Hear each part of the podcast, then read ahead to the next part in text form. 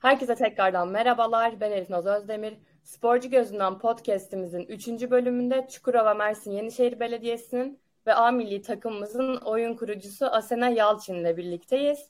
Şimdiden yeni bölüme hoş geldiniz. Çayınızı kahvenizi aldıysanız hadi başlayalım. Öncelikle nasılsınız? Sezon yoğunluğunuz ne durumda?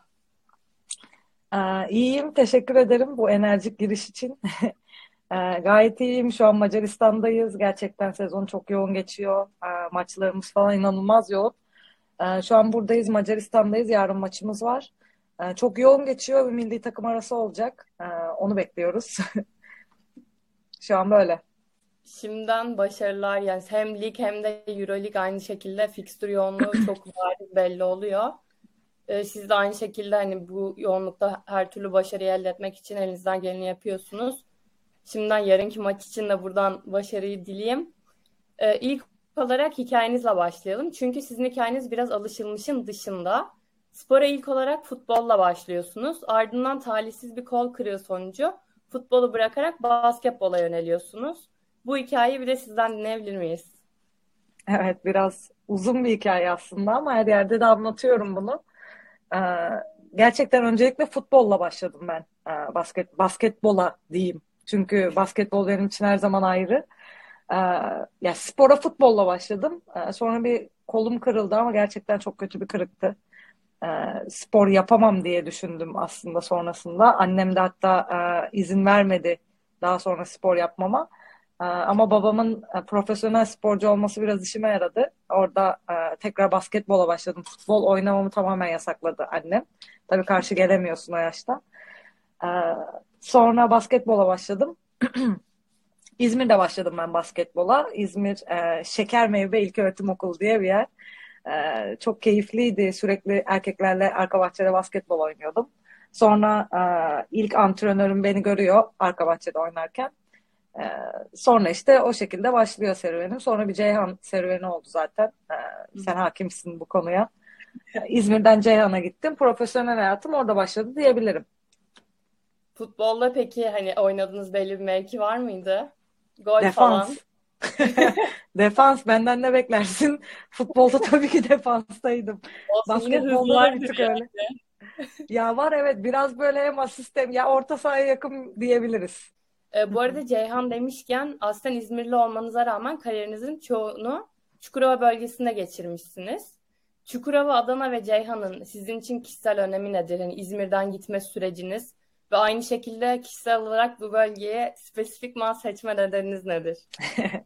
Ee, kesinlikle Ceyhan benim ikinci memleketim. Yani her yerde de söylerim çok e, gerçekten çok güzel anılarım geçti Ceyhan'da. Liseyi e, orada bitirdim. E, üniversiteye Adana'da gittim. Çukurova Üniversitesi'ne gittim. Yani gerçekten benim için yeri çok ayrıdır. Yani İzmir'de 13 sene kaldıysam 13 yaşını bitirdiğimde gittim çünkü Ceyhan'a 14 yaşına girerken. Ee, Ceyhan'da da 11 sene kaldım. Yani nereden baksan aşağı yukarı aynı yarı yarıya. Ee, o yüzden Ceyhan'ın yeri bende gerçekten ayrıdır. Orada büyüdüm diyebilirim. Ee, çok da güzel bir takımımız vardı Ceyhan Belediyespor. Çok e, aile ortamıydı yani. Hani şu anda aslında biraz da şeye benzetiyorum ben.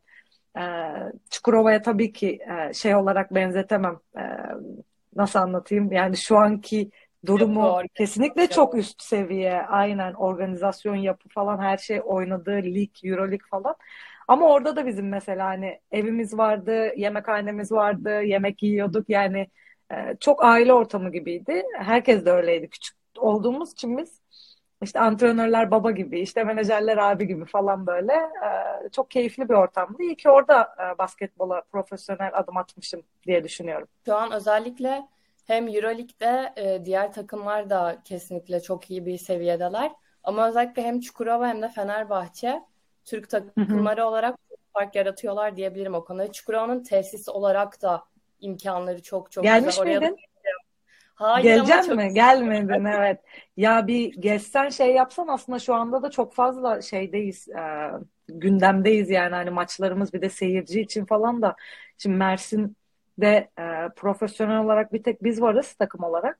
Ve e, Mersin taraftarı yani bilmiyorum son maçları Bologna maçı, Nesibe maçı falan böyle ilk defa Bologna maçında e, 5000 küsur 5600 kişiye yakın seyirci vardı. Yani bir kadın basketbolu için inanılmaz bir rakam. Ee, Evet. Nesibe maçı için de öyle nereden baksan 3000 kişi geldi tabii. Ama biz böyle bir e, takım olarak da yani çalışanlardan bahsediyorum. Oyuncular değil de e, şey yönetim tarafı böyle seyircileri bir şekilde çekmeye çalışıyorlar. Yani o yapıyı oluşturmaya çalışıyorlar. Şehrinin takımı, işte Mersin'in takımı, Çukurova gibi şey yapmaya çalışıyorlar. O yüzden e, bu sene çok ilerleme kaydetti takım e, bu konuda. E, kadın basketbolunun en büyük e, sıkıntısı zaten bu. Sen de aşağı yukarı biliyorsundur. Seyirci yok, işte profesyonellik yok, e, yani yayın yok. Yani böyle tabii ki federasyonumuz da çok çalışıyor bunun için. E, ama kolay bir şey değil. Başarı olarak da işte şimdi baktığında milli takımda başarı lazım. E şimdi biz Euroleague'de final oynadık geçen sene. Kaç kişi biliyor? Şimdi Yani, voleybolda final oynayınca herkes biliyor ama basketbolda kadınlar final oynayınca işte buraları birazcık düzeltmek lazım. Ben de biliyorsun işte yüksek lisans falan yapıyorum ya, o yüzden bu kadar hakimim şu an konulara. Ee, o yüzden işte kadın basketbolunu biraz ileriye götürmek lazım diye düşünüyorum. Ya ben açıkçası geçen sene ilk defa izlemeye başladım kadın basketbolunu. Hatta ilk Fenerbahçe Çukurova maçına gelmiştim. Sezonun ilk maçıydı. Geçen seneki maç. Gökşen Evet, çok iyi Gökşen oynadı o maç. Hı. Aynen. Gökçe'nin Hatırlıyorum şey- Gökşen çok iyi oynadı. Ya çok O maç. keyifliydi. O maçtan sonra da hani ben tekrar izlemeye başladım. Hatta ben bu arada Mersinliyim aslen. Baba tarafım Mersinli. Evet, çok da gelmek E, istiyorum süper. hani. Mersin'e gelmen lazım. Hem gastronomi geç. Ya her şey için gelmen lazım tabii Mersin. Ya Mersin bu arada benim de Mersin'de e, daha önceden Büyükşehir'de de oynadım. iki sene. E, bu üçüncü senem, beşinci senem Mersin'de baktığında. Yani Mersin'in Bayağı yeri de benim için çok farklı. İzmir'e de benziyor biraz. Deniz kı- kıyısı ya. Geçen seneden beri takip ediyorum e, kadın basketbolunu ve hem kadın basketbolunu hem kadın futbolunda açıkçası benim gözlemlediğim hem ya medya şu an olabildiğince destek olmaya çalışıyor bir şekilde. Fakat e, bunun da artması gerek tabii ki farkındalığın Hı hı. öncelikle artması gerek. Özellikle hı. hani kadın futbolunda bu daha belirgin bence baskette şu an o kadar yok ama hani kadın futboluna mesela maçlarda bilet yok. Ücretsiz giriyorsun yani. Basketbol, basketbol mu dedin, futbol mu dedin?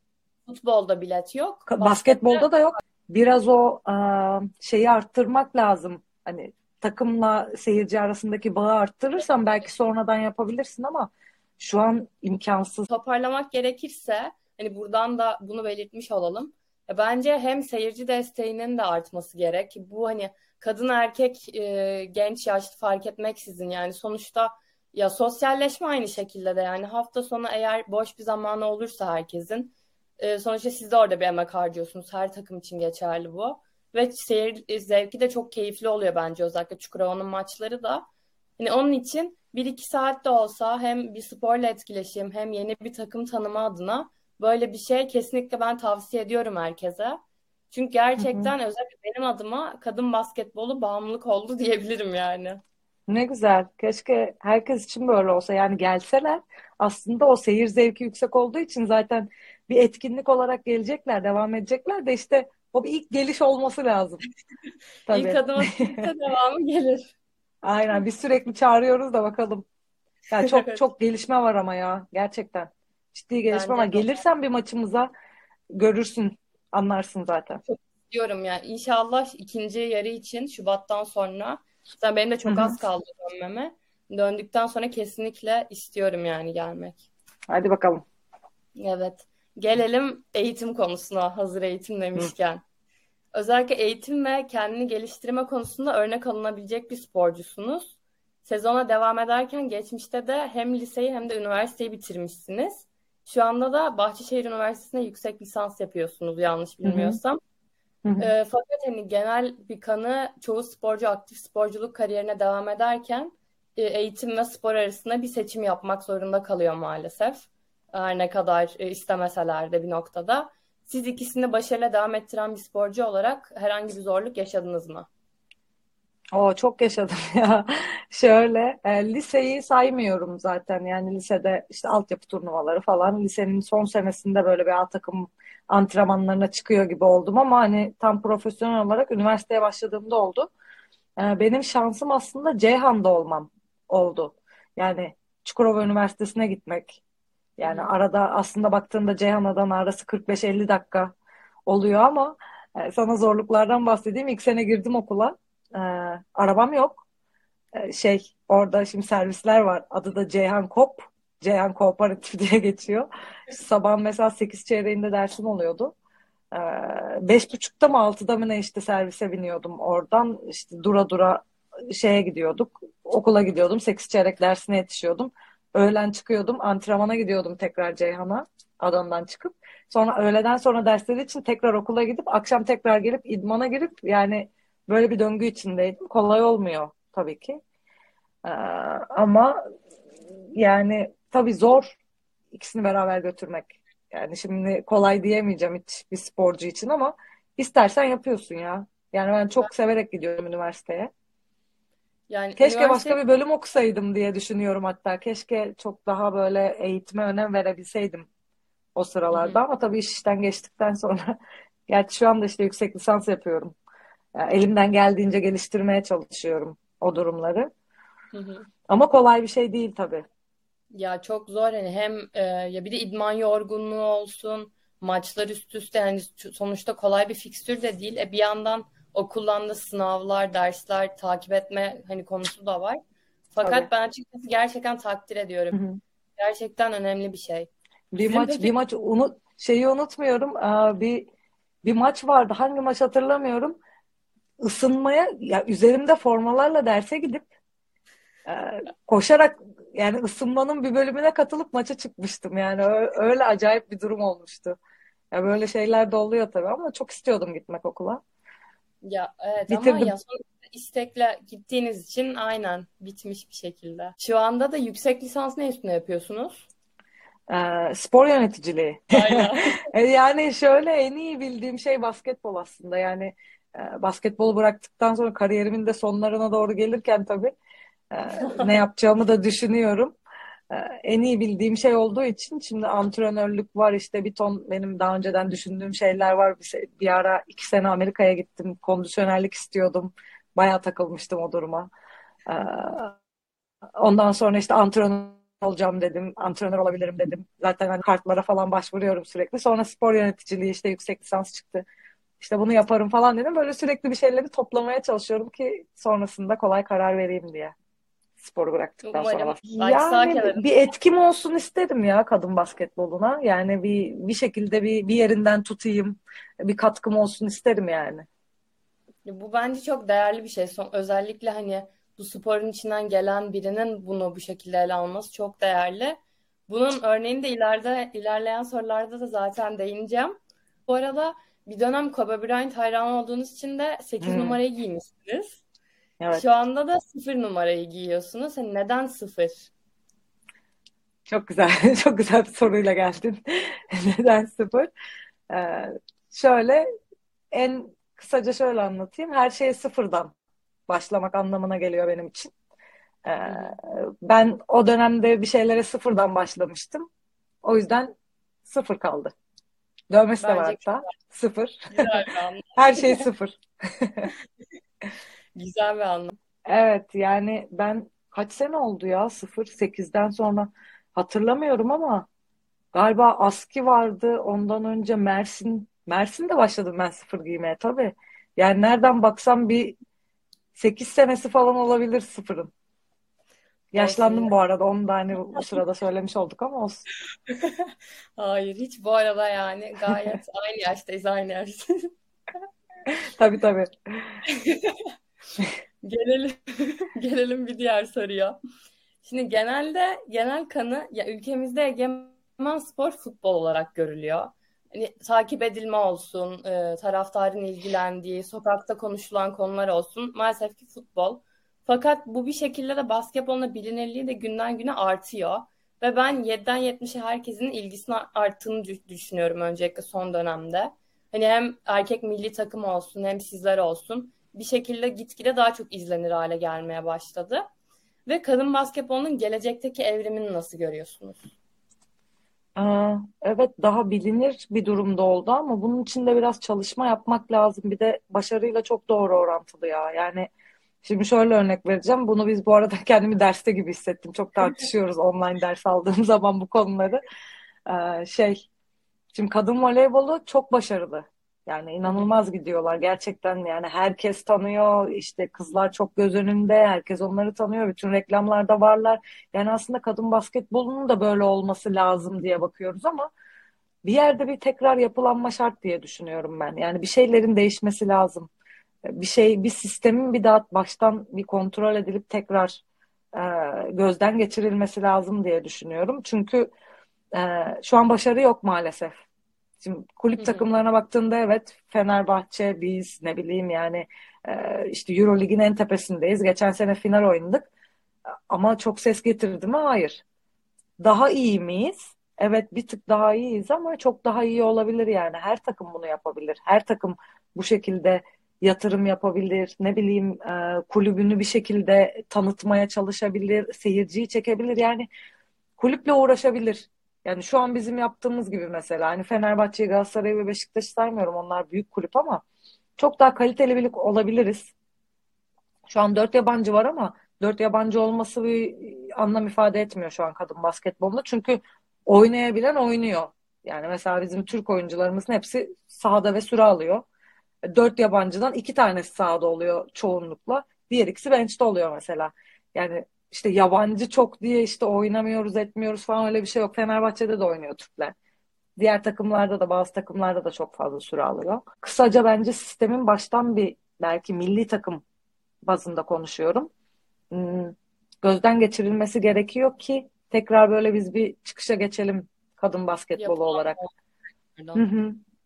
Çünkü voleybolla kıyaslayamayız şu an. Yani aldı başını gitti voleybol. Yani hiç hiç kıyas kabul etmez kadın basketboluyla. Biraz da şöyle e, basketbol erkek sporu işte yani eğer genel bakacaksak benim annem bile geçen hatırlamıyorum ne zaman geçen sene mi böyle bir şey ağzından kaçırdı acayip sinirim bozuldu yani düşün. İşte zaten erkekler basketbol oynar işte kadınların sporu voleyboldur falan gibi bir şey söyledi böyle düşün kızı basketbolcu.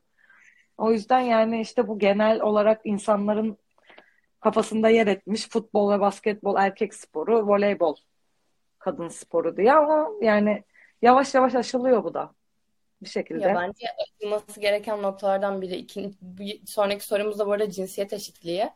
Hazır onunla ilgili de bir şeyler gelmişken bence hani kadın ve erkek sporu diye ayırmak yerine sonuçta spor mu spor.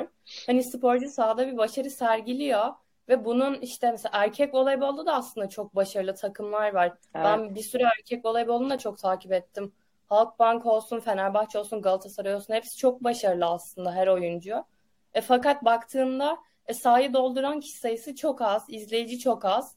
E, kadın voleybolda tabii başarı var. Hani öncelik o, o. Onda hiçbir sorun yok. Fakat Hı-hı. yine de işte e, kadın basketbol olsun, kadın futbolu, erkek voleybol. Yani bu sporlara da eşit bir şekilde ben yaklaşılması gerektiğini düşünüyorum. Ya çok çok kötü yorumlar da okuyorum bazen. Hani gördüğüm zaman oluyor. İşte voleybolcular da dahil olmak üzere bu arada. Hani voleybolculara da bir şeyler söyleyenler var. İşte kadın futbolu şimdi çok daha revaçta bu arada. Ben de eskiden çok duymuyordum. Şimdi ben sporun içindeyim ama basketbol tarafındayım. Evet futbol var. Kadın futbolu Türkiye'de yani çok az hatta duymuyordum bile diyebilirim. Şimdi daha çok işte e, Fenerbahçe, Galatasaray işte şöyle oldu böyle oldu falan diye duyuyoruz. E, yani hatta kadın futbolu bence şu an çok daha ileriye gitme konusunda. Eğer sıfırdan başlamasını düşünürsek basketbolla arasında kıyas kabul etmez. Birden çıkışa geçti. Ya kadın futbolunda ben kadın futbolunda çok gelişmede olduğunu düşünüyorum ama bu iyi bir yöne giden bir gelişme. Hem milli Hı-hı. takımımız olsak geçenlerde e, B ligine yükseldiler onlar da. Buradan onu da tekrardan tebrik edelim. Ve hani hem o olsun hem medya desteği, ligleri aynı şekilde ligde şimdi tekrardan iki sene oldu galiba. Onlarda da bir yapılanma başladı. Hı hı. Bununla beraber zaten e, hem başarı doğru orantılı arttı hem de verilen değer doğru orantılı arttı. Yani baktığınızda Beşiktaş Şampiyonlar Ligi oynamış bir takım kadın futbolunda. Vodafone hı hı. Park'ta Atletico Madrid'le karşılaşmış bir takım. Fakat kim biliyor? Mesela hani? hiç ben ben bilmiyordum mesela bunu.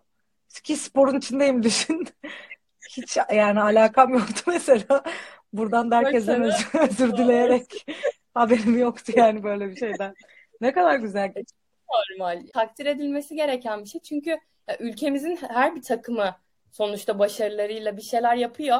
E, fakat bunun sadece bazıları ses getiriyor bir noktada hani. Aslında hepsine aynı şekilde Ya yaklaşmamız gerekiyor. sadece e, sadece işte takımları da şey yapamayız ya. Biraz da sosyal medyayı iyi kullanmak, ne bileyim işte o yayın yani yerel kanallarda yayınlanması ya da böyle biraz daha reklam, ne bileyim kadın futbolcuları tanıtmak. İşte aynı şey basketbol için de geçerli. Şimdi televizyonu açıyoruz her yerde voleybolcular. Herkes tanıyor. hı. Milyonlarca takipçileri var. E nasıl? Başarıyla tabii ki doğru orantılı söylediğimiz gibi ama çok göz önündeler. Yani çok ya çok değişik, çok fazla hikaye var. Hepsi YouTube'da, orada, burada yani bir şekilde bizim de oralarda bir hikaye yaratmamız lazım. Birilerini işte göz önüne çıkarıp birileri üzerinden gidilmeli belki de bilmiyorum. Yani işte diyorum ya yeni bir yapılanma, yeni bir bir şey lazım diye. Yani herkes Ya mesela umarım yani Ebrar benim favorim bu arada. Herkes Ebrar'ı tanıyor. Yani 70 yaşındaki teyzem de tanıyor. İşte 5 yaşındaki şey de tanıyor yani küçük çocuk da tanıyor. Nasıl tanıyor? Ya bir şekilde kızın kendi kendine has bir tarzı var ve çok iyi voleybolcu. Yani çok göz önünde. İşte sürekli sürekli bir şeyler oluyor yani. O yüzden bilmiyorum aynısını basketbolda da inşallah yapabiliriz. Umarım ilerleyen senelerde görürüz bunu. Bu arada Filenin. Sultanları adına Ebrar ve Vargas da benim favorilerimden. Evet Ve benim, hani baktığımda benim de. Vargas Vargas'ı burada. Evet tabii canım hani onun zaten. o da çok iyi. O da çok o da sakatlıktan Doğru doğru arada. devşirme. Doğru devşirme diyelim biz ona. Yani gerçekten devşirme dediğin Kesinlikle. Ve hani aslında şu açıdan da mesela maç günü bile hani soyunma odasından çıkıp koridorda yürürken işte erik dalı oynamalarından danslarına kadar Hı hı, bir şekilde her şey ya göz önünde olup bu paylaşılıyor taraftarlarla. hı Hani hı. belki e, hani tavsiye olabilecek yapılanmalardan biri medya adına ve e, Sosyal medya kesinlikle. bence de Kesinlikle. bence de o konuda. Umarım Ya ilerleyen sosyal medyayı senelerde çok doğru kullanmak lazım. Yani e, ya onun çok fazla şeyi var. Şimdi işte bizim sosyal medyamız da şu an çok aktif ilerliyor. E, Gerçekten kolay bir şey değil. Onun için doğru ve profesyonel bir ekip lazım. Yani öyle evet yani altından kolay kalkılabilecek bir şey değil yani o kadar insana ulaşmak falan. Yani çok zor bir şey. Bence de katılıyorum. Umarım görürüz ama yani. Ben açıkçası umutluyum. Bilmiyorum Ben fazla mı Ben de hatta basketbolu bıraktıktan sonra bu işlere kafa yoracağım merak etme. tamamdır. O zaman da bir tekrardan iletişime geçeriz. Tabii. O zaman yönetici olarak. Tamam. Bir diğer dikkat çekmek istediğim konu da zaten bahsettik aslında. Birazdan giriş yaptık. Cinsiyet eşitliği. Ee, gerek sporda gerekse de hayatın her alanında geçerli olması gerektiğini düşünüyorum ben cinsiyet eşitliğinin. Özellikle kadın sporlarında hani futbol, basketbol, boks ve benzeri yapılan her şeyin kadınlara yakıştığını da düşünüyorum ve bunlarda çok güzel başarılar alıyoruz. Olimpiyatlar olsun, diğer turnuvalar olsun. Çünkü her şeyden önce işin arkasında bir alım ve emek teri var bir noktada. hı hı. Ee, siz ilk başladığınız dönemlerde e, veya sonrasında çevrenizden basketbol oynadığınızı duyduklarında şaşıranlar oldu mu? Veya herhangi bir tepkiyle karşılaştınız mı? Aa, hatırladığım kadarıyla böyle bir şey olmadı. Yani ben yani kadın olduğum için aa, ne alaka falan olmadı kimse. Böyle bir şeyle karşılaşmadım ama genel olarak aa sen basketbolcu musun neden boyun kısa? Genelde bana böyle geldiler. Hiç, hiç öyle hani kadın erkek Gardner falan öyle bir şey olmadı. İnanılmaz ya. Bütün hayatım boyunca bununla uğraştım. Ee, Ben de ben basketbolcu değilim ya antrenörüm falan diyordum. Dalga geçiyordum zaten. Hani çok uğraşmamak için, konuşmamak için. Ee, Hatırladığım kadarıyla benim e, oynadığım yani daha öncelerinden bahsediyorum. Şu anda da olmadı ama böyle bir şey hatırlamıyorum ama olanlar var tabii ki. Yani bunlar işte kadın basketbol mu oynar, işte kadın futbol mu oynar, işte otur oturduğu yerde falan gibi saçma sapan tabii ki laflar duyuyoruz ama yani ne diyeyim kınıyorum bu tür lafları. Keşke böyle laflar edilmese. Ya benim benim başıma gelmedi ama böyle bir şey. Keşke gelse de cevabını versem. Ya Yani genelde şöyle şey oluyor bence. İşte biz biraz daha böyle temaslı spor yaptığımız için e, şimdi voleybolcular baktığında temaslı spor yapmıyor. Yani daha kadınsı bir fizik olarak görünüyor. Şimdi biz tabii ki halter yapmak zorundayız. Tabii ki güçlü olmak zorundayız. Kimlerle mücadele ediyoruz sahada? Sen biliyorsun. Yani izleyenler evet. tabii ki işin içinde olanlar biliyor. Yapma bakalım halter. Ağır kaldırma ya da ne bileyim o ne bileyim o şeyi yaşama bakalım ne oluyor. O yüzden Sürece. yani herkes tabii herkes bunu anlayamaz. yani bir şekilde bütün bu ön yargıların işte e, ön yargısız bir şekilde yaklaşabiliriz her spora ve işte kadın basketbolu, kadın futbolu hani o kalıplaşmış düşüncelerden kurtulmak bence çok önemli. Kesinlikle evet. katılıyorum. Bu arada yaptığın şey de çok güzel bir şey. Yani umarım herkes dinler ve umarım. yani buralı, buralı yani bura, buraları umarım aşarız ya. Yani Türkiye'de biraz tabii bu kadın erkek eşitliği konusu çok yani sadece biz konuşmuyoruz bunu burada. Herkes konuşuyor her alanda. Hı hı. Sadece geçen işte bir tane tez inceliyordum bir yerde. İşte yine bak denk geldi derslerle alakalı. İşte kadınların neden kadınların e, çok fazla iş hayatında olmadığıyla alakalı. Sporun neden spor yöneticisi olarak kadınlar çok fazla değil. Yani Türkiye'de biri bir araştırma yapmış onunla ilgili bir şey. Çok fazla kıstas var ya yani işte bunları umarım aşabiliriz. Evet, ben bu konuda da ümitliyim açıkçası. Bir şekilde aşacağız Evet, çıkmadık yani. camdan ümit kesilmez, haklısın. Evet. Basketbolda aktif kariyerlerini tamamladıktan sonra sahada katkı sağlamaya devam eden birçok değerli isim var günümüzde. Bunun son örneği de Işıl Alben diyebiliriz. Ee, Asena Yalçın'ın basketbolu bıraktıktan sonraki planları nelerdir? Evet işte bunda biraz konuşmuştuk. Ya basketbolun içinde kalmayı düşünüyorum ama o an gerçekten ne hissederim bıraktıktan sonra ne yaparım bilmiyorum. Ee, işte spor yöneticiliği olabilir diye düşünüyordum. Antrenörlük düşündüm bir ara işte kondisyonerlik yaparım diye düşündüm falan. Kafamda bir sürü şey vardı. Ee, şu an çok fazla yöneticilik kısmına yoğunlaşmış durumdayım. E, tabii ki basketbol oynuyorum şu anda da bitirdiğim bir kariyerim yok ama e, bittiği zaman en iyi yaptığım şey, senelerimi verdiğim şey basketbol olduğu için ya basketbolun içinde kalıp biraz katkı vermek isterim ya. Yani gelişmesine yardımcı olmak isterim. Umarım olur yani. Milli takımda da galiba bildiğim kadarıyla e, eski oyunculardan var. Tabii e, Nilay abla var, Yasemin abla var. Aynen.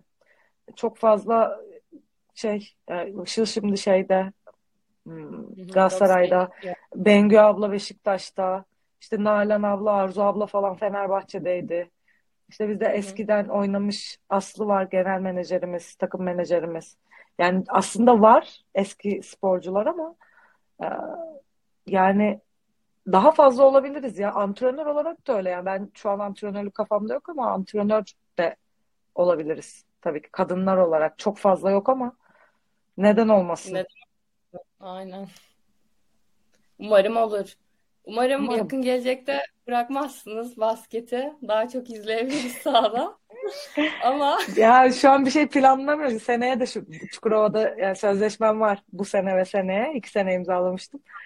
Ondan sonra sonrasını seneye garanti. Yani sakatlık olmazsa. Ama sonrasını bilmiyorum bakalım. Ya 35 diye düşünmüştüm aslında açıkçası ama işte oraya da iki sene kaldı. Daha devam eder o. Gittiği yere kadar diyorsun. Ya bıraksın evet, artık öyle. dedirt diyorsun yani bana öyle mi? Evet, evet kesinlikle. Çukurova'dan bahsedelim. Ee, Çukurova'da üçüncü seneniz. Hı? Ee, takıma ilk katıldığınız süreçten bu yana takım oyunu sağlanan olanaklar açısından ne gibi gelişmeler gözlemlediniz?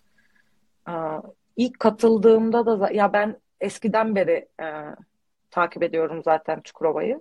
Mersin'de oynadığım sene de zaten aa, ilk kurulduğu sene benim Mersin'de oynadığım sene miydi? Sanırım. Büyükşehir'de oynuyordum ben o sene. O sene çıkmıştı e, lige. Yani şey Girne'nin haklarını satın alıp falan. Bu konuyla ilgili de bir slide şey e, sunum hazırladığım için hakimim e, şey Çukurova basketbola. E, 7 senelik bir oluşum zaten burası. E, 7 senede yani neredeyse yaşamadığı, oynamadığı final kalmadı diye düşünüyorum. Yani evet Cumhurbaşkanlığı, Türkiye Kupası, Euro Lig.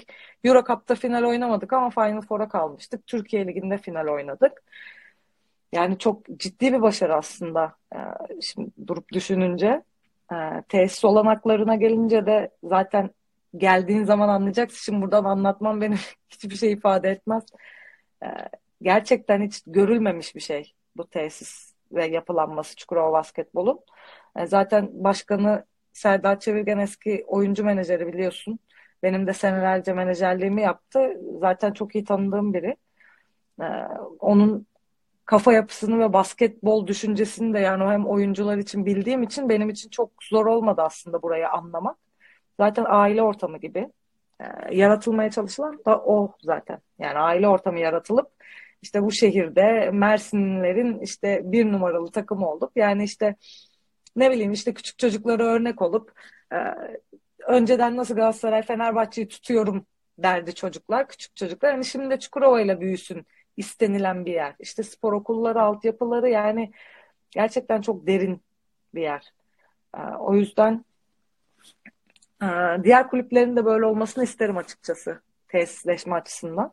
Yani sporcuların yaşamı tarafına gelecek olursak e, işte yemek bir kere çok büyük etken. Yani üç öğün yemek çıkıyor. Yani hiçbir yemek derdin yok. İşte isteyen isteyen e, yabancı sporcuların hepsinde araba işte herkes tek tek kalıyor falan. E, inanılmaz bir zaten Mersin şehrini biliyorsun. Mersin evet. Mersinli olarak yarı Mersinli. E, yani anlatmakla bitiremeyiz gerçekten. Yani e, yabancı yabancılar da öyle. Aynı şekilde birbirleriyle konuşurken ilk geldiklerinde falan e, yani nasıl anlatayım böyle nasıl ya falan oluyorlar. Ya bizde olduk da en başında hani Avrupa'dan Amerika'dan gelenler de şaşırıyor buraya. Şey yani Mersin'e birbirlerini anlatmaları falan hani daha önce böyle bir yer görmedik. Ya şöyle bir şey oluyor bunu hatta kendi sunumumda da şey yapmıştım e, açıklamıştım. Ya öyle bir şey ki mesela bu sene ol, bu sene olmadı galiba hatırlamıyorum. Biz otobüsle giderken arkamızdan su döküyor çalışanlar. Hani ben gördüm onu öyle, videoda. Gördün mü videoda? Evet, Böyle gördüm. bir aile ortamı yani anladın mı? Böyle herkes birbirini tanıyor. Zaten çoğu hani Mersinli hani bir yerde birinin akrabası falan. Ya, o yüzden çok ya çok değişik bir kulüp. Ya oynamadan anlayamazsın burada ya da bulunmadan anlayamazsın. Buradan gittiğin zaman da diğer kulüpler biraz böyle hani değişik geliyor. Çünkü orası sadece iş gibi geliyor öyle olduğu Hı-hı. zaman. Burada bir burada bir gönül bağı oluyor. Çukurova'ya. O yüzden yani ben çok yani geliş daha gelişemez zaten. Ya tabii ki men, yani mantık olarak gelişiyorlar. Hani basketbolu geliştiriyorlar. Bir şekilde tecrübeleniyoruz ama yani en gelişmiş seviyesi burası bence kulüp ve tesisleşmenin diye düşünüyorum. Ya bence şey çok güzel yani hem dediğimiz gibi taraftarla bir şekilde gönül bağı kurması Aynı şekilde takım içinde aile ortamı, güven ortamı hani staff'taki kişilerle sonuçta onlar da sizle her yere geliyor gidiyor. Aynı şekilde hı hı. emek harcanıyor. Hani onlarla da bir şekilde güven ve aile ortamının kurulması olunca e zaten bir noktada sahaya da bu yansıyor. Hani bunu sahada bir şekilde görebiliyoruz. Biraz da geçmişe gitmek istiyorum. Eyvah ne kadar geçmiş. Geçen sene çok uzak değil. tamam çok uzak değilmiş. Geçen sene e, Fenerbahçe Alagöz Holding'e karşı oynadığınız Euroleague Women finali. E, bu finallerin ardından genelde hem bireysel olarak hem de takımca bir motivasyon ve geri dönme süreci oluyor bence. E, sonuçta bütün bir senenin hem duygusal hem fiziksel yükü hem fikstür yoğunluğunun sona ermesinin ardından final maçından sonraki hisleriniz nelerdi ve bu motivasyon canlı tutmak için ne gibi çalışmalar yaptınız yeni sezon adına? E, açıkçası geçen sene final maçında Euroleague finalinde beklemediğimiz farklı bir mağlubiyet aldık. O yüzden e, yani sevinemedik ikinci olduğumuza. Yani toparlanma süreci biraz uzun sürdü. Geri dönüşü biraz zor oldu bizim için. O seneden bahsediyorum Türkiye Ligi'ne odaklanma açısından. Orada da zaten kaybettik. İki finali de kaybettik Fener'e. E, ikinci olduk. E, yani final maçı için benim ilk bu arada yani Final Forum ve finalim oldu. Çok güzel, çok yani çok böyle işte zaten o aile ortamıyla da alakalı olarak çok güzel bir takımımız vardı geçen sene. Ee, Chelsea'nin olması da bizim için çok büyük avantajdı. Yani oynadığım en profesyonel ve en Ya bilmiyorum. Ya çok değişik bir oyuncu ya anlatamam şu an. Ya çok e, çok iyi bir zaten oyun kuru biliyorsun. Hı hı. Ya onunla oynamak çok büyük bir e, pozitif bir şeydi yani. yani takım hı hı. şöyle söyleyeyim takımın içinde kimsenin düşmesine izin vermiyordu mesela. Hani biri düşüyordu hemen onu oyunun içine sokuyordu falan yani inanılmaz bir oyuncuydu. Ee, sadece o değil tabii ki yani bütün takım arkadaşlarım için aynı şeyi söyleyeceğim. Yani çok güzel bir takım olduk geçen sene. İşte finali kaybedince çok e, farklı bir mağlubiyet alınca toparlanamadık. Şeyi de kaybettik. Yani Türkiye Ligi'ni de kaybettik. Sonrasında e, zaten araya girdik. E, yaklaşık bir 3 ay kadar bir aramız olmuştu. Bir sonraki sezon da işte bu sezonun başında da yine biz biraz şey başladık. E, antrenörümüz işte Roberto'ydu biliyorsun. İspanyol antrenör. O gitti. Olcay abi geldi. İşte Alina gitti. Yani takımın önemli parçaları değişti. Ama hala ayaktayız ve maç kazanıyoruz. Yani o yüzden bir şekilde motive oluyoruz ya. Yani şöyle söyleyeyim. E, takımın içinde yani şu anda da takım arkadaşlarım gerçekten çok pozitif. Hani hiç böyle e, kendi başına hareket eden biri yok. Öyle söyleyeyim. Yani çok kenetli bir takımız. Yani en büyük e, şeyimiz Alina gitti mesela. Onun üzerine kurulmuştu takım. Ama biz çıktık. İşte birkaç maç kazandık arka arkaya Türkiye Kupası'nda final oynadık. Beşiktaş'ı Galatasaray'ı yendik, Beşiktaş'ı yendik. Fener'e son saniye kaybettik falan. Yani kimse bu kadar geri dönüşü beklemiyordu. Ee, ama işte o da buranın belki de hani o atmosferinden kaynaklanıyor evet. diye düşünüyorum. Yani sonuçta e, hani dinamikler her takım içinde sezonla değişiyor bir şekilde. Hani hı hı. E, sezonun getirdiği süreç de bunu getiriyor bence bir noktada. Fakat buna rağmen e, takımca hani hep beraber kenetlenip devam etmek ve hı hı. hani motivasyonunuzu düşürmek yerine bunu üstüne katıp devam etmek çok önemli bence. Ya iniş çıkışlar oluyor şimdi mesela kaybetmememiz gereken maçlar kaybediyoruz. Botaş'a kaybettik, Nesibe'ye kaybettik. İşte ne bileyim böyle e, yani kaybedilmemesi gereken maçlar kaybedince tabii ki bizim için iyi bir şey değil. Sonuçta hani Türkiye Ligi'nde de ya belki birincilik gitti elimizden ama hani ikinci olmak istiyoruz. İkinci bitirmek büyük avantaj. E, inişler çıkışlar olur her takımın. Evet. Doğru yerde çıkış yakalamak çok önemli bence. Onu da sezon sonunda ben e, çok iyi olacağımızı düşünüyorum. Hem mental olarak hem fiziksel olarak. Bence de. Katılıyorum. Euroleague Women'a geleceğim ne demek. Euroleague Women demişken e, bu sezon B grubunda en son baktığımda 8 galibiyette ikinci sıradasınız. E, yarın maçınız var galiba. Bu evet. hafta maçı yarın. E, sezon sizin açınızdan nasıl geçiyor Euroleague Women'da ve ikinci yarı ile ilgili öngörüleriniz nasıl olur? aslında hedeflediğimiz yerlerdeyiz. Yani bir bitirebiliriz diye düşünüyorduk. Yine hala şansımız var bu arada bir bitirebilmek için. Çok değişik. Bizim geçen sene de böyle oldu. Biz ilk iki maçı 20-25 sayı farkla kaybettik. Sürekli en altlardaydık. Beşinci sıradaydık falan. Sonra birden grubu birinci bitirdik. Mesela yani Euroleague öyle bir lig ki yani her takım her takımı yenebiliyor. Çok çok değişik gerçekten. Şu anda da mesela öyle. Yarın kazanamazsak işte bilmem kim kazanırsa o ona kaybetmezse bir şey olursa biz grup dışı kalıyoruz falan. Hani böyle şeyler de olabiliyor. Yarın kazanıp en azından çeyrek final oynamayı garantilememiz lazım. O yüzden çok önemli maç bizim için.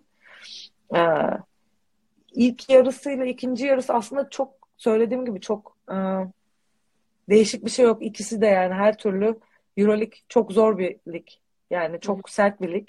O yüzden ee, son iki maçımız kaldı şu an. İşte burada Macaristan'dayız. Bu maçı oynayacağız. Sonra da grup birincisi Prag'la oynayacağız kendi evimizde. Sonra bitiyor zaten. Bu maçı kazanırsak garantiliyoruz. Sonra Prag'ı yenersek ve Prag'da 2'de 0 yaparsa bir, bir bitirme ihtimalimiz var yani. Bunu kovalayacağız inşallah. Tabii önce yarın kazanmak lazım. Evet umarım biz de takipte olacağız zaten yarın maç saati. İnşallah. Buranın saatiyle 6'da. Ee, Türkiye saatiyle. Türkiye saatiyle 8'de oluyor sanırım. 8. Evet. 8 aynen. Senin saatin ne? Saat. Benim saatim de 9'da. Portekiz 9'da. saati. Aynen. e, deplasmanlar lig, Euroleague derken sezon içinde epey yoğun bir fikstür oluyor. Ve hani her sporcu için insanın kendine ayırdığı zaman da aslında az olsa da olması gerekiyor. Yani bir recharge olma süreci, dinlenme süreci. E, basketboldan kalan zamanınızı nasıl değerlendiriyorsunuz? Ki ben açıkçası bu zamanın çokça Mervin ve Berlin'le geçtiğini düşünüyorum. Evet, köpeklerim. Onlar, yani çokça evdeyim ve onlarla vakit geçiriyorum açıkçası. Çok da e, boş zamanım olmuyor. E, bizim çok deplasmanlarımız üst üste geldi arka arkaya. İstanbul 3 deplasman arka arkaya, 3 tane Avrupa deplasmanı arka arkaya yani hiç uğrayamadık bile Mersin'e öyle düşün. Çok yorucu oluyor bizim için tabii. Ee, ama şimdi işte arayı bekliyoruz. İnşallah bir milli takım arasında birazcık dinlenebiliriz. Ama sezon içinde genellikle evde oluyorum ve işte köpeklerimle vakit geçiriyorum. Malum ve Berlin. Ee, onun dışında e, benim üçüncü Çukurova'da 3, 2, 5. senem olduğu için Mersin'de bir arkadaş çevrem oluştu zaten. Ee, genelde onlarla vakit geçiriyorum. Ee, yani genelde evdeyim diyebilirim ya. Evde olmayı çok seviyorum çünkü. Ya zaten normalde koşturmacalı geçtiği için muhtemelen dinlenmek Sakinlik istiyorum. arıyorum. Evet, Evet, aynen öyle. tahmin Yani ediyorum. kışın kışın daha çok sakinlik arıyorum. Böyle sezon başladığı zaman biraz daha böyle insanın kanı hızlı akar derler ya yazın. İlk sezon başladığında o zaman biraz daha böyle havalar sıcak falan. Biraz böyle şey yapıyoruz dışarılarda oluyoruz ama sezon başladığında genelde yorgunluktan falan hiç dışarı çıkacak halimiz olmuyor. Şöyle bir şey var biz sezon başında bir grup oluşturmuştuk e, takım arkadaşlarımla işte gastro grubumuz var. Genelde böyle yemek yiyoruz Mersin'de işte şunu yiyoruz bunu yiyoruz işte yorum yapıyoruz falan. Genelde yazın yapıyorduk onu ama hani olabildiğince onları da yapmaya çalışıyoruz böyle gezip gidip sahile gidiyoruz köpekleri götürüyoruz. Hep Güzel beraber bence bir yani. şeyler deniyoruz. Şimdi oyun kurucu olarak yay dışından da epey etkili üçlükler buluyorsunuz. Bence hatta bu hani özellikle oyun kurucularda bence hani en çok üçlük bulan oyun kurucular arasında da girersiniz diye düşünüyorum. En çok atan Onun dersen olur da bulan mı onu bilmiyorum. olsun ya denemek Kullanmayı başarmak. Tabii. Buna yönelik aynen. antrenmanda ek çalışmalarınız oluyor mu? Bir de sizce ideal bir gardın özellikleri nasıl olmalı? Aa, ya aslında bu benim her sene böyle basketbol geliştikçe e, daha da değişiyor aslında fikirlerim. Önce en sondan başlayayım. İdeal oyun kurucu nasıl olmalı şeyinden. Ee, kesinlikle bir kere defansif anlamda çok aktif olmalı diye düşünüyorum. Ee, onun dışında takımı iyi tanıyıp e, iyi yönlendirmesi gerektiğini düşünüyorum. Hakim olması gerektiğini düşünüyorum. Yani oyun kurucu anlamında. Yani skorer guard falan oralara girmeyeceğim şimdi ama en önemli özelliklerinden biri ceza şutunu sokabilmesi, defansif anlamda iyi olması ve e, kesinlikle takıma hakim olması bence diye düşünüyorum. Aa, benim için gelecek olursak ben normalde daha fazla top kullanıyordum Çukurova'ya gelmeden önce. Yani burada az top kullanıyorum baktığında. Ee, ama yani bilmiyorum ya ekstra ekstra ekstra çalışmıyorum. Çok çalıştık tabii zamanında ama e, şu anda böyle çok kendimi öldürecek derecede ekstra çalışmıyorum e, dış şutlara. Ama genelde sadece çalıştığım zaman dış şut çalışıyorum. Daha konsantre atmaya çalışıyorum aslında. Önceden daha böyle hani e, yani 60 olmak için attığım toplar oluyordu ama şu anda çok daha böyle hani e, Ya durarak biraz. evet Evet. aynen. Ya belki onun etkisi vardır. E, Takımda her oyuncunun sağ dışında da belli başlı özellikleri var. Ve bence sizinkilerden biri de takımın enerjisine katkı sağlamanız. Etrafınızdakiler sizi üç kelimeyle tanımlasa hangi kelimeleri seçerdi? Aa, sorayım mı o da arkadaşıma? Beni üç, üç kelimeyle beni tanımlasan ne dersin? O da arkadaşım Derin bu arada. Herkese Selamlar. tanıştırayım Derin Yaya. Siz konuşun ben düşünüyorum. Tamam sen düşün. Yani ben şöyle düşünüyorum. Sen bu arada üç kelimeyi düşün. Bir kere enerjik kesin söylerdi. Geçen gün hatta antrenmanda iki gün önce ya Ase bu enerji nereden geliyor şu an? Nereden var ettin bu enerji diye bir şey söyledi bana. Off'tan gelmiştik. Yani Enerjik net dersin. düzenle, istikrarla hani bir de böyle takıntı gibi ama kötü anlamda demek istemiyorum. Evet anladım ben demek istediğini. O yüzden düzenli demek istedim. Düzenli. Güzel ben. Ben Güzel de ve düşüneyim. enerjik. Ben kendimi nasıl tanımlarım onu da bilmiyorum bu arada. Ya konuşkanım aslında ben. Ama onu öyle Kişisine göre. evet kişisine göre değişiyor. Bazen de çok somutkan olabiliyorum. Yani e, bir kere enerjik kesin. Onu söyleyelim. Yani düze- kendime düzenli de diye- derim bu arada. Derin doğru söylüyor. Aa, onun dışında ben biraz tez canlıyım diye düşünüyorum ya. Böyle hani hemen her şey olsun böyle yavaş bir şeye tahammülüm yok mesela. Ö- öyleyim. Son olarak işin mental boyutuna da biraz değinmek istiyorum. Kulüplerimizin her birinde gerek fiziksel gerek taktiksel hazırlıklar üst düzeyde yapılıyor. Fakat sezon boyunca e, galibiyetler kadar mağlubiyetler ve sakatlıklar da bu işin bir gerçeği. Bir sporcunun mental olarak oyuna hazır olmasının oyuna ne kadar etkisi var? Bir de mental oyununuzu güçlendirmek adına ne gibi pratikler yapıyorsunuz? Ben çokça düşünürüm gece yatmadan. Yani mesela o gün antrenmanda ne olduğunu, ne oynadığımızı, ne yaptığımızı falan yani böyle düşünmeden geçirdiğim bir gün yoktur. Hı. Aslında belki mentor olarak bunu söyleyebiliriz. Ya benim açımdan. Ee, çünkü böyle hatta bugün bugün konusu oldu. Ee, setler unutuluyor mesela oynarken. Hiç mi düşünmüyorsunuz diye bir böyle kendi içimden düşünmüştüm. Ee, ben çok düşünürüm. Yapacağım ve yaptığım şeyleri maçtan önce de öyle. Yani bir gün önce maç yatarken maçtan önce hani maçı kafamda oynam hani böyle hasta gibi ama e, bir şekilde hani düşünürüm ne olabilir, ne yapabiliriz. Hani o videoları zaten e, editleri falan gönderiyorlar bize.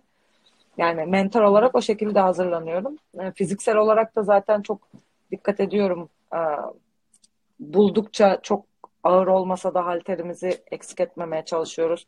E, ben normalde bu sene birazcık ara verdim çok yoğunluk olduğu için ve çok e, yorulduğumuz için ama ben pilatese gidiyorum. Ee, genel olarak şimdi kendim yapmaya çalışıyorum biraz. Ee, fiziksel olarak zaten e, yemeklere çok dikkat etmemiz gerekiyor. Bizim kulüpte oldukça güzel. Ee, yani sporcu yemeği olarak çıkıyor. Fiziksel olarak da bunları söyleyebilirim. Ee, özellikle yatmadan önce yapılan biraz da görselleştirme deniyor buna Hı psikolojide. hı. Ben de spor psikoloji istediğim için biraz araştırıyorum. Ve bu e, visualization yani gö- görselleştirme aslında çok önemli. Hani özellikle anksiyetesi olan sporcularda e, diyelim hı. çok kritik bir maç ve maç öncesi o maçı hani belki her anla değil ama kritik anında bir üçlük bulduğunu düşünmek, işte Hı e, az yaptığını düşünmek vesaire bunun bilimsel olarak da sahada olumlu bir katkı e, sağladığı ortaya çıkan bir şey. Belki de aslında farkında olmadan onu yapıyorsun. Evet, onu söyleyecektim. Araştırılmış bir şeyse bu. Ben bunu gerçekten yapıyorum. Ee, hatta bu söylediklerin gerçekten oluyor. O üçlük atma, işte turnike atma, bir şey yapma, savunma yapma. Hani son bir topa dokunma falan. Yani böyle şeyler genelde aklımdan geçiyor. Ee, bilmeden doğru bir şey yapıyormuşum demek ki. Evet, gerçekten aynen. Aynen öyle. Şimdi gelelim kısa sorular kısmına. Ee, sohbetimizin son bölümü oluyor bu. Hı. buradaki sorulara hani sizin için anlam ifade eden bir iki kelimelik cevaplarla cevaplarsanız süper olur. Tamam. İlk sorumuz favori yemeğiniz. Of çok zor. Çok severim çünkü hepsini. Ee, genelleme yapabiliyor muyum? Tek bir yemek mi Evet. söylemem lazım? Yok, Yani zeytinyağlı, zeytinyağlıları çok severim ben. Zeytinyağlı yemekleri. Ee, Egeli olarak, bir Egeli olarak. Zeytinyağlı yemekler diyebilirim. Özellikle mesela kerevizi çok severim. Ee, A milli takım. İkinci soru. Ee, hayalimdi A milli takım benim her zaman. Hatta bunu ben küçükken de yazmıştım. Böyle Türkçe dersinde kompozisyonumuz vardı. İleride ne olmak istiyorsun? A milli takımda basketbolcu olmak istiyorum diye yazmışım ben mesela. Yani her zaman benim hayalimdi A milli takımda oynamak.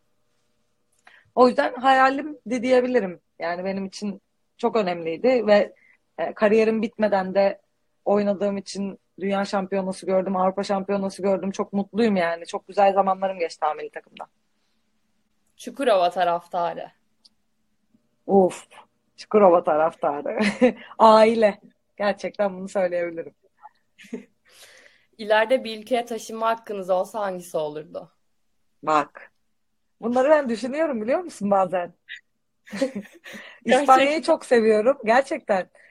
İspanya çok fazla çok fazla böyle hani gezdiğimiz için gördüğümüz için hatta gittiğim yerlerde işte diyorum ki ben Macaristan'da oynamam. İşte burada geçen işte Polonya'ya gittik. Polkovice deplasmanına. Ay burada ne yaparsın ya oynamazsın falan. İtalya olabilir. Bolonya'ya gittik. Orası güzeldi. İspanya zaten her zaman favorilerim arasında. Almanya aslında Almanya'da da yaşayabilirim. Böyle bir öyle bir his geldi birden. Ee, Hı hı. İs- birinci İspanya derim ama. Bu aralar en çok dinlediğiniz şarkı. Bu aralar en çok dinlediğim şarkı. Dur bakayım. Spotify'ımdan bakabilir miyim? Evet. Kopya Hangisini dinliyorum? bak. Ya bakıyorum. Ya 90'lar bu ara çok takıldım ben bu arada. En son dinlediğim şarkı da Ayşegül Aldınç Alimallah. Gelirken bunu söylüyordum odaya hatırlıyor musun? Odaya giderken. Son dinlediğim şarkı bu ama e, genelde şey yabancı şarkılar dinliyorum ama ben ya. Yabancı slow dinliyorum. E, bakayım hatta. Favorilerim arasında sürekli bu arada Mabel Matiz en çok dinlenenlerim arasında. Mabel Matiz'in son albümü. Hala daha hepsini açıp dinliyorum tek tek. Ee, en çok dinlenen Mabel Matiz bence bu arada. Mabel Matiz bir oldu şu an. Tercihlerde. Bir, her yerde Mabel Matiz var zaten açtığımda şu anda. Dalga şarkısını çok seviyorum. Mabel Matiz Yani dalga böyle o kendimi zaman. böyle şey hisset, evet böyle kötü hissettiğimde falan direkt o şarkıyı açıyorum. Evet, son olarak son sorumuz. Sporcu gözünden basketbol. Bir iki kelime mi? Tamam, bunun için eksepsiyon yapabiliriz.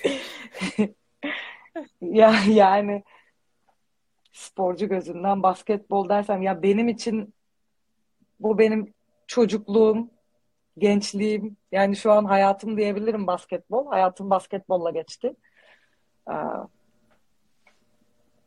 yani e, mesela ileride bir çocuğum olsa basketbolcu olsun mu diye düşünürüm. Yani kendim güzel geçirdiğim için tabii ki isterim ama ya çok değişik ya yani böyle tam açıklayamıyorum. Çok seviyorum. Basketbolsuz bir hayat düşünemiyorum. Ama aynı zamanda çok da zor diye düşünüyorum. İşte söyleyecek olursam benim e, hayatım basketbol oldu. Bundan sonra da zaten basketbolu bıraktıktan sonra da içinde kalmayı düşünüyorum. Ee, en iyi bildiğim şey benim için şu an. Üzerine profesyonelleştiğim meslek olarak. Ben meslek olarak hiçbir zaman görmedim. Ta ki basketbolu bırakana kadar bence benim için meslek olmayacak. Sevdiğim için yapıyorum. Basketbolu bıraktıktan sonra ben basketbolu meslek olarak yapacağım. Çünkü yöneticilik kısmına geçeceğim. Hı hı. Çok sevdiğim için şu an meslek olarak bile görmüyorum basketbolu. Hayat biçimi aslında bence de Aynen öyle. Aynen Evet. öyle.